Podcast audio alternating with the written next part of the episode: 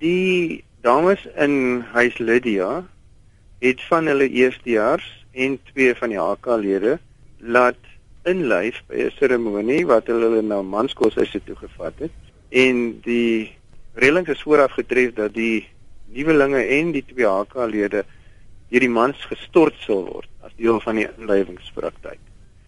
Nou die manier wat wat ons wil omgaan met verwelkoming is heeltemal anders as wat daar gebeur het in die Lydia opset. Hy is van mening die straf teen die huiskomitee lede is van pas. Ons het toe maar die normale prosedures gevolg van 'n sentrale dissiplinêre komitee en so meer.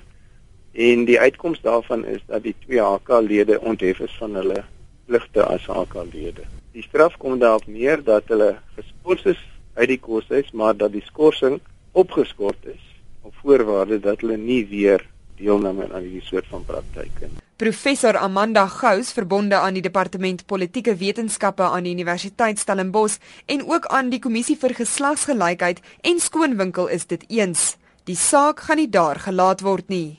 'n Ondersoek na seksuele teistering is aan die gang. Wanneer jy meisies stort en hulle klere is nat en deurskynend en hulle word gevoel dat dit 'n dit is 'n vorm van seksuele teistering.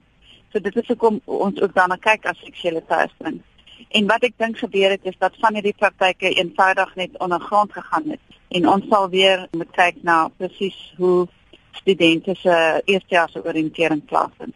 Maar hoe gemaak as die vroue graag deur die mans gestort wil word en dit bloot as onskuldige studentepret sien? Omdat dit ook die komponent van van seksuele teistering het en omdat die universiteit verantwoordelik is vir studente se veiligheid en ook hulle emosionele gesondheid kan seker goed eenvoudig net nie toegelaat word nie. En ons kan nie uitsonderings op die reël maak omdat mense graag so iets wil doen nie.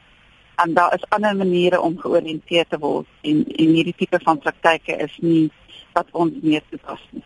Gous wou nie bespreek in watter manskoshuise die betrokke mans is of hoeveel mans by die voorval betrek word nie. Ek kan dit nie nou bespreek nie, maar daar is 'n daar is meer as een persoon by betrokke. Gous en Skoonwinkel sê die universiteit se bestuur was onder die indruk dat die tradisie om vroue te stort lankal uitgesterf het. Intussen het talle mense aanlyn kommentaar gelewer oor die studentekoerant die matiese berig oor die voorval.